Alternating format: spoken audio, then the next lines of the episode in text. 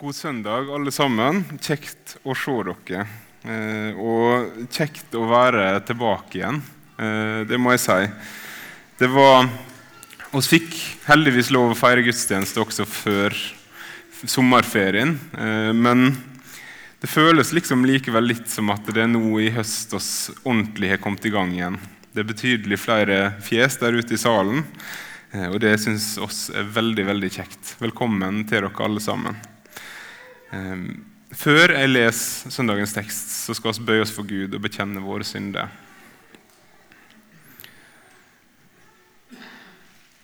Hellige Gud, himmelske Far. Se nåde til meg, syndige menneske, som har krenket deg med tanker, ord og gjerninger, og kjenner lysten til det onde i mitt hjerte. For Jesu Kristi skyld, ha langmodighet med meg. Tilgi meg alle mine synder, og gi meg å frykte og elske deg alene. Amen.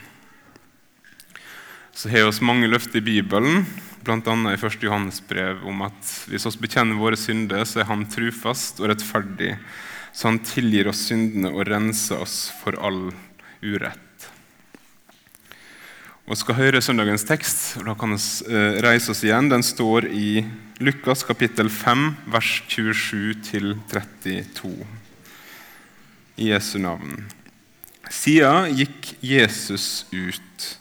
Da fikk han se en toller som het Levi. Han satt på tollboda. Jesus sa til ham, 'Følg meg.' Da sto han opp, gikk fra alt og fulgte Jesus. Levi holdt et stort gjestebåd foran hjemme hos seg, og en hel flokk tollere og andre var til bords sammen med dem. Fariseerne og de skriftlærde blant dem murra og sa til læresveinene, 'Hvorfor et og drikk dere sammen med tollere og syndere?' Men Jesus svarte, 'Det er ikke de friske som trenger lege, men de som har det vondt.' Jeg er ikke kommet for å kalle rettferdige, men syndere til omvending. Kjære Jesus, takk for ditt ord til oss. Må du møte oss med det her i dag. Far, hellige oss i sannheten. Ditt ord er sannhet. Amen.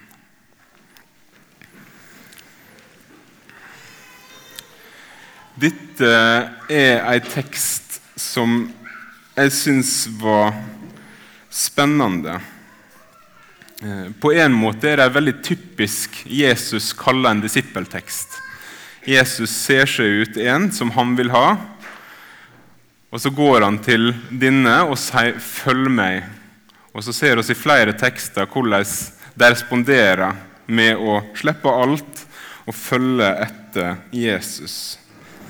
Så er det også en tekst som minner litt om historien om Sakkeus. Fordi det er en toller som Jesus møte, og som enda opp med å ha middagsselskap sammen med Jesus etterpå. Og så er det også flere ting som minner om historien om Sakkeus. Og det er de skriftlærde og fariseerne som murrer utafor. Se hvem han der et sammen med. Og det, akkurat det skal jeg komme tilbake til seinere i talen. Først så har jeg lyst til å se på Jesu første ord her i teksten. Følg meg. Retta mot Levi eller Matteus så kommer Jesus med dette kallet. Et kall som vi kan lese om flere plasser i Bibelen, og et kall som er blitt gitt til alle generasjoner etterpå. Til deg og til meg også. En invitasjon fra Guds egen sønn til å følge Han, til å ta imot det Han har å gi. Og Det er en invitasjon som sendes i dag til hvem som helst. Til alle som kan og vil høre. Levi han var nok godt vant med å ikke være innafor i de sammenhengene eh, han, han, var i. Han var toller, noe som betyr at han håndterte ting som jødene så som ureint. Antageligvis så fikk han ikke lov til å delta i synagogen på samme måte som andre. Han tok imot folk som skulle handle med alt mulig, inkludert ting som etter jødisk skikk var ureint. Jøder og hedninger, alle skulle de gjennom tollboda til Levi. Og det var ikke bare uproblematisk. Men her kommer altså denne rabbien, denne jødiske læreren, som er litt annerledes enn alle de andre jødiske lærerne, og inviterer han inn til å være en av hans disipler, til å tilhøre fellesskapet rundt han. Den invitasjonen er også gitt til oss. Det andre Jesus sier i denne teksten, er dette. Det er ikke de friske som trenger lege, men de som har det vondt. Jeg er ikke kommet for å kalle rettferdige, men syndere til omvendelse. Jesus han var den Levi trengte. Jesus kom med nåde og tilgivelse for alle Levi sine synder og tilbød han et nytt liv i seg. Til å gå en ny vei med en ny retning. Uten å kreve noe. Han er legen som har kommet for de syke, for de som har det vondt. For å lege og helbrede, for å skape nytt liv, for å gi håp, for å frelse. Og Levi fikk livet snudd opp ned på et øyeblikk. Fordi Guds sønn kom til ham. På samme måte har mange av oss fått oppleve det samme. Jesus fikk møte oss også. Kanskje kan vi ikke huske første gangen. Kanskje er det sånn for oss at vi ikke kan huske et tidspunkt der oss ikke var Jesus sine. Men han fikk likevel møte oss gjennom kristne mennesker som så oss og møtte oss, om det var familie eller om det var andre. Gjennom sitt ord, som ble forkynt for oss, som oss fikk høre og som oss fikk ta imot. Og gjennom kallet til tru og etterfølgelse, som også oss fikk del i. Og denne teksten viser oss, som så mange andre tekster, hva det var Jesus kom for. Han kom for å frelse oss mennesker. Og så møter oss i denne teksten to grupper mennesker, som vi ofte gjør i disse evangelietekstene. Og Forskjellen på dem er ikke deres tilstand i møte med Gud, men forskjellen på dem er det er ei gruppe som virker å vite at de trenger frelse. Og så er det ei annen gruppe som virker å ikke vite at de trenger frelse. Den første gruppa er den Jesus et i lag med. Den andre gruppa det er de som reagerer med avsky på at Jesus et i lag med dem. Han et i lag med. Men de mennesker som sto hoderystende og så på det Jesus gjorde, og tenkte hvor forferdelig Hva folk er det han omgir seg med? De hadde akkurat det samme behovet som mennesker som satt rundt bordet sammen med Jesus. De visste det bare ikke. De mente de var i en annen kategori, på et annet nivå enn de som Jesus åt med. Og En ting jeg legger merke til i det Jesus sier, er han retter dem ikke på det de sier 'du et med syndere og tollere'. Da sier ikke Jesus 'nei, nei, nei, wow, wow, wow'. De er ikke syndere, disse her. De er bra nok. Det er ingenting som er problem. Er, nå, må, nå, må, dere slutte å snakke stygt om dem. Liksom. Det er ikke det Jesus sier. Han er ikke uenig i kategoriseringa. Men han svarer det er akkurat for deg jeg kom. Det er akkurat for deg jeg kom. Jeg kom for å bringe frelse og håp, tilgivelse, inn i deres liv. Og så står disse og har akkurat det samme behovet, men de veit det ikke. Jeg er kommet for deg. Jeg er kommet for deg å lege de som har det vondt. Så sier han helt til slutt i det svaret til fariserene og de skriftlærde at han ikke er kommet for å kalle rettferdige, men syndere til omvendelse. Det som Jesus gjorde, det som han har befalt oss å gjøre, det er å gjøre disipler. Og så i det videre, som han gjorde, og som oss skal, lære dem å holde alt Han har befalt oss. Jesus vant seier over vår synd, over døden, over djevelen. Og når han inviterer, så er det ingen betingelser. Han sier ikke 'Nei, du kan ikke komme til meg'. Du har ikke livet ditt på stell. Kom tilbake når du har, har gjort noe med det, og når du har gjort noe med det. Prøv litt hardere. Kom tilbake neste gang, så får du se da om du er god nok.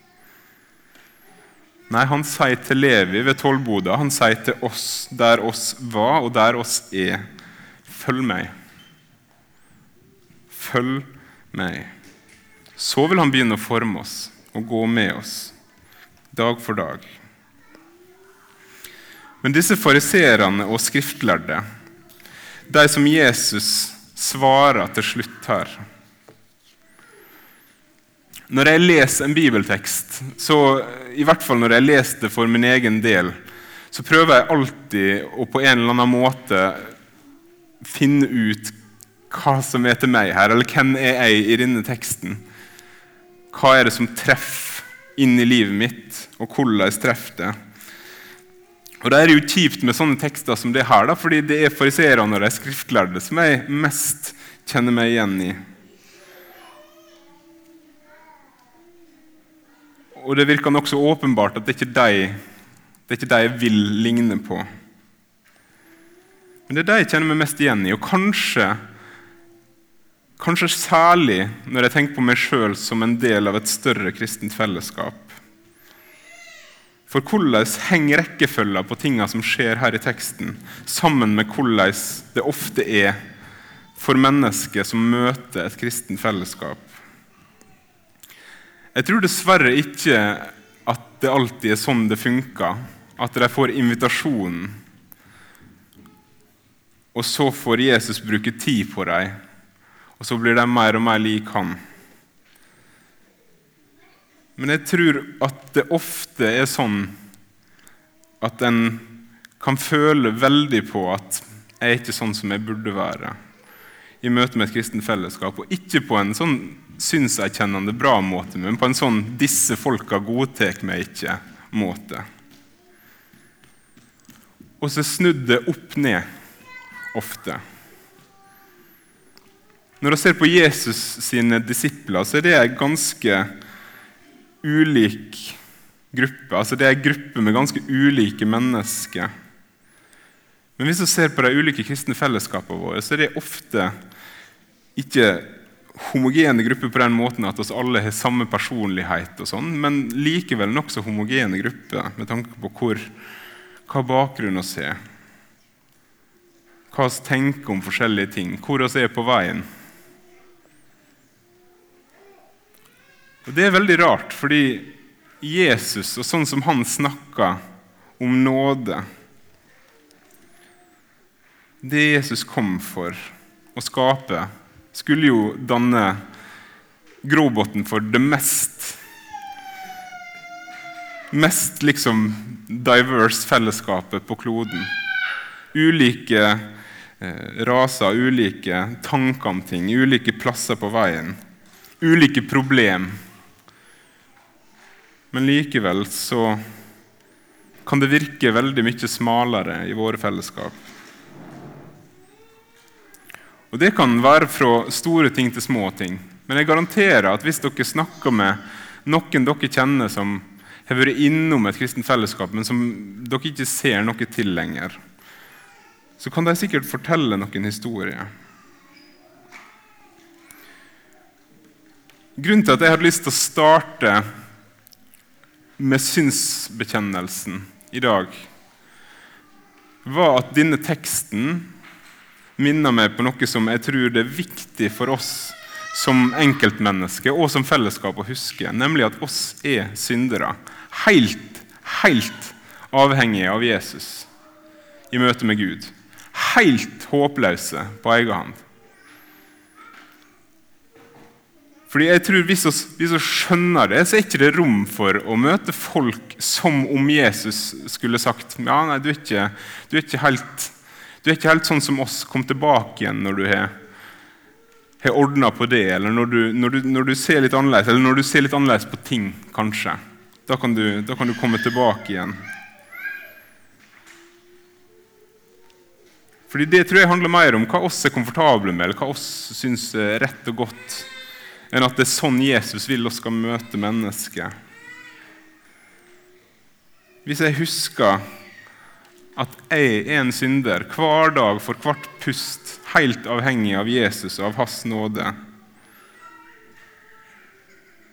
Kanskje burde jeg minne meg på det også i situasjoner der jeg møter folk som ser litt annerledes ut enn meg, eller som har litt andre meninger enn meg, eller som som dukker opp her i misjonssalen, eh, og som kanskje eh, en i utgangspunktet tenker på som et litt sånn truende element. eller sånn, oh, han der eller hun der vet jeg mener det om det, eller her, her må jeg prøve å få dem ut døra, eller sørge for at det er ingen andre som får snakka med dem, i hvert fall, sånn at det ikke sprer seg.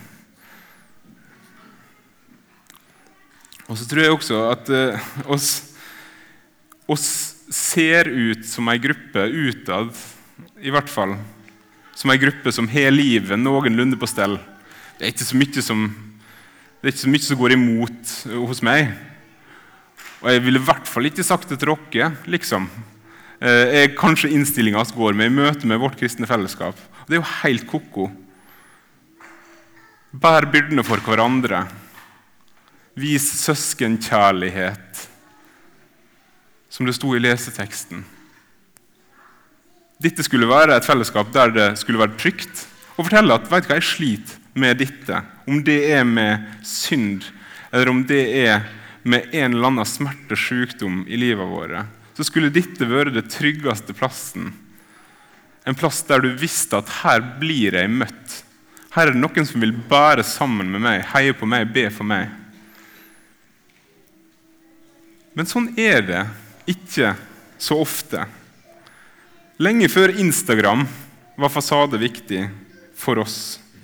Lenge før sosiale medier likte oss å vise vår beste side. Men hvis vi blir for opptatt av det, så tror jeg også oss i møte med andre viser vår verste side. Og Det kan være fra de store til de små tinga. Jeg har fått høre en del historier fra folk som enten har forsvunnet ut av det kristne fellesskapet de var en del av, eller av organisasjonen vår, ehm, eller fra kristen sammenheng i det hele tatt. Jeg snakka med fortalte at hun kom til en ny plass og tenkte at jeg har lyst til å prøve å være en del av NLM-fellesskapet her også. Å komme inn første møte på bedehuset der hun kom, det var ingen som møtte henne eller sa at det var kjekt hun hadde kommet. Det det derimot var, var en litt eldre mann som sa ja, det var også noe å ha på seg på møtet, om klærne som hun hadde på seg. Hun dukka ikke opp på det bedehuset flere ganger. Jeg gikk sjøl på bibelskole med flere som enten har hatt en lang periode vekke fra kristne sammenhenger, eller som fortsatt er vekke fordi det virker så altfor, altfor skummelt å stille spørsmål ved de tinga ikke som ble lært på skolen, men som en del av elevene formidla sosialt. Den og den musikken var ikke bra, de og de klærne var ikke bra, sånn og sånn skulle det være. Og så turte de ikke å protestere eller stille spørsmål med det, men var stille, musestille og håpte kanskje er det ingen som vil legge merke til at jeg ikke er helt om bord med dette her. Fordi hva skjer da, liksom? Som var livredde for å bli avslørt som noen som ikke var enig i et eller annet. Det handler ikke om evangeliet, det handler ikke om Jesus, men det handler om andre ting. Og så fikk de en reaksjon etter bibelskolen at dette ble for smalt. Dette ble for trangt. Her var det ikke noe rom Jan Erik har tidligere sagt her fra talerstolen at det er altfor få homofile, det er altfor få samboere, det er altfor få skilte her i misjonssalen. Jeg tror denne teksten adresserer noe av hvorfor. Og jeg tror ikke det handler om hva oss står for. Jeg tror ikke det handler om sosial etikk. Jeg tror det handler om hvordan mennesket blir møtt. Fordi det er én ting å stå for at ekteskapet skal være mellom en mann og en kvinne.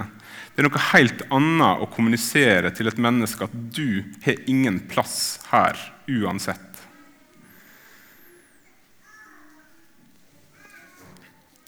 For noen veker siden, eller for et par uker siden så, så skrev Emil André Erstad, tidligere eh, KrFU-leder og KrF-politiker, om hvordan han hadde hatt ei vandring fra å være erkekonservativ, fundamentalistisk kristen til der han er i dag, som er på en måte litt mer sånn undrende eh, fra å ha alle svara til å ha ingen svar, på en måte. Og slik som Emil André Erstad skriver det, så er det så var det på en måte, eller det blir framstilt som om det er den eneste måten du kan være, bli et åpent, inkluderende, varmt menneske som kristen. er Hvis du dropper alt det der konservative, det sier Bibelen-tinga, og heller gir slipp på alt det og møter alt med undring. Og jeg, jeg tror ikke det er sant. Jeg har møtt kristne mennesker og kristne fellesskap der det ikke har vært sant i det hele tatt. Der det ikke har vært sånn at ved å mene det, så hater du folk. Eller ved å eh, stå for disse tingene som Bibelen underviser oss om, så blir det automatisk sånn at oss må være stygge med folk. Jeg tror Jesus viser oss en annen vei her i denne teksten. Han sier ikke 'anything goes', eller at alt det som står, ikke er viktig lenger. Det er ikke det han sier. Men han møter dem. Han møter Levi der han er. Han møter disse tollerne som kommer og et hos Levi, der de er. Og vet dere, Det fins historier om at det også går an fra våre sammenhenger. For noen år siden fikk jeg høre en historie fra en av NLM sine videregående skoler der det var ei jente, ung jente som gikk på skolen, som var samboer. Bodde ikke på skoleområdet, men i en leilighet i den byen skolen er i. Og Så ble hun en kristen gjennom møtevirksomhet på den skolen.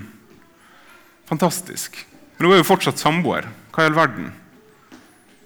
Så tenkte de som hadde ledet henne til Jesus, at kanskje er dette noe som vil ta litt tid å komme til rette med. Kanskje er dette noe som ikke bare over natta forandrer seg, men at dette er noe som hun vil se etter hvert. Kanskje er det sånn. Og Så gikk det noen måneder, og hun fikk undervisning og opplæring.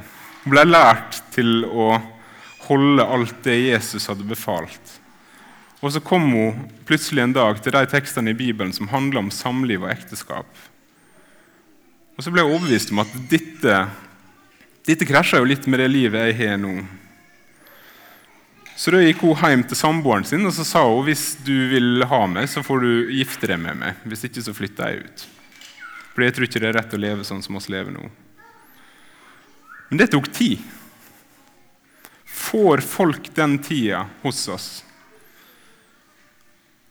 Får folk den tida til å gå noen skritt i tru, sånn at de kan komme dit at de ser eller må de være ferdige når de kommer til oss?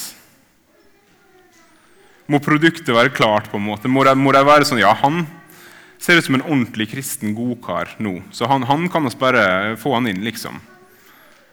Eller ja, hun, hun der hun, hun, hun virker veldig bra. Lærte seg å strikke her og alle ting. Så dette, dette, virker, dette good. Få det inn. Men de som ikke har kommet dit ennå, de oh, La oss holde dem litt på avstand. La oss holde dem litt ute. Jesus kom som lege for de som har det vondt. Oss er Jesus sine. Jesus kom for oss. Det betyr at oss også er av de som trenger lege. La oss ikke glemme det i møte med de oss møter som også trenger lege. For Jesus er vårt eneste håp. Han er den eneste garantien jeg har. Uten Jesus så står jeg på bar bakke i møte med Gud.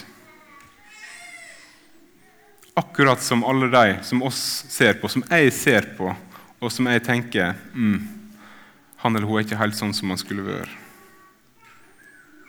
Tenk om oss da på Jesu vegne kunne være de som sa 'følg meg'. Og så vil Jesus komme inn i livet deres, skape nytt liv, gi nytt håp og vise ny vei. Oss er syndere. Mistes det av syne, så blir oss som fariserene i denne teksten. Måtte det ikke være sånn. La oss be. Kjære Jesus, takk for ditt ord til oss. Takk for at du ser oss med alle våre feil og mangler. Du ser syndene våre, Både det oss skammer oss over, og det oss burde skamme oss over. Og så sier du likevel til oss, 'Følg meg, jeg vil ha deg, jeg kom for deg'. Takk for det, Jesus. Må du vaske oss rein.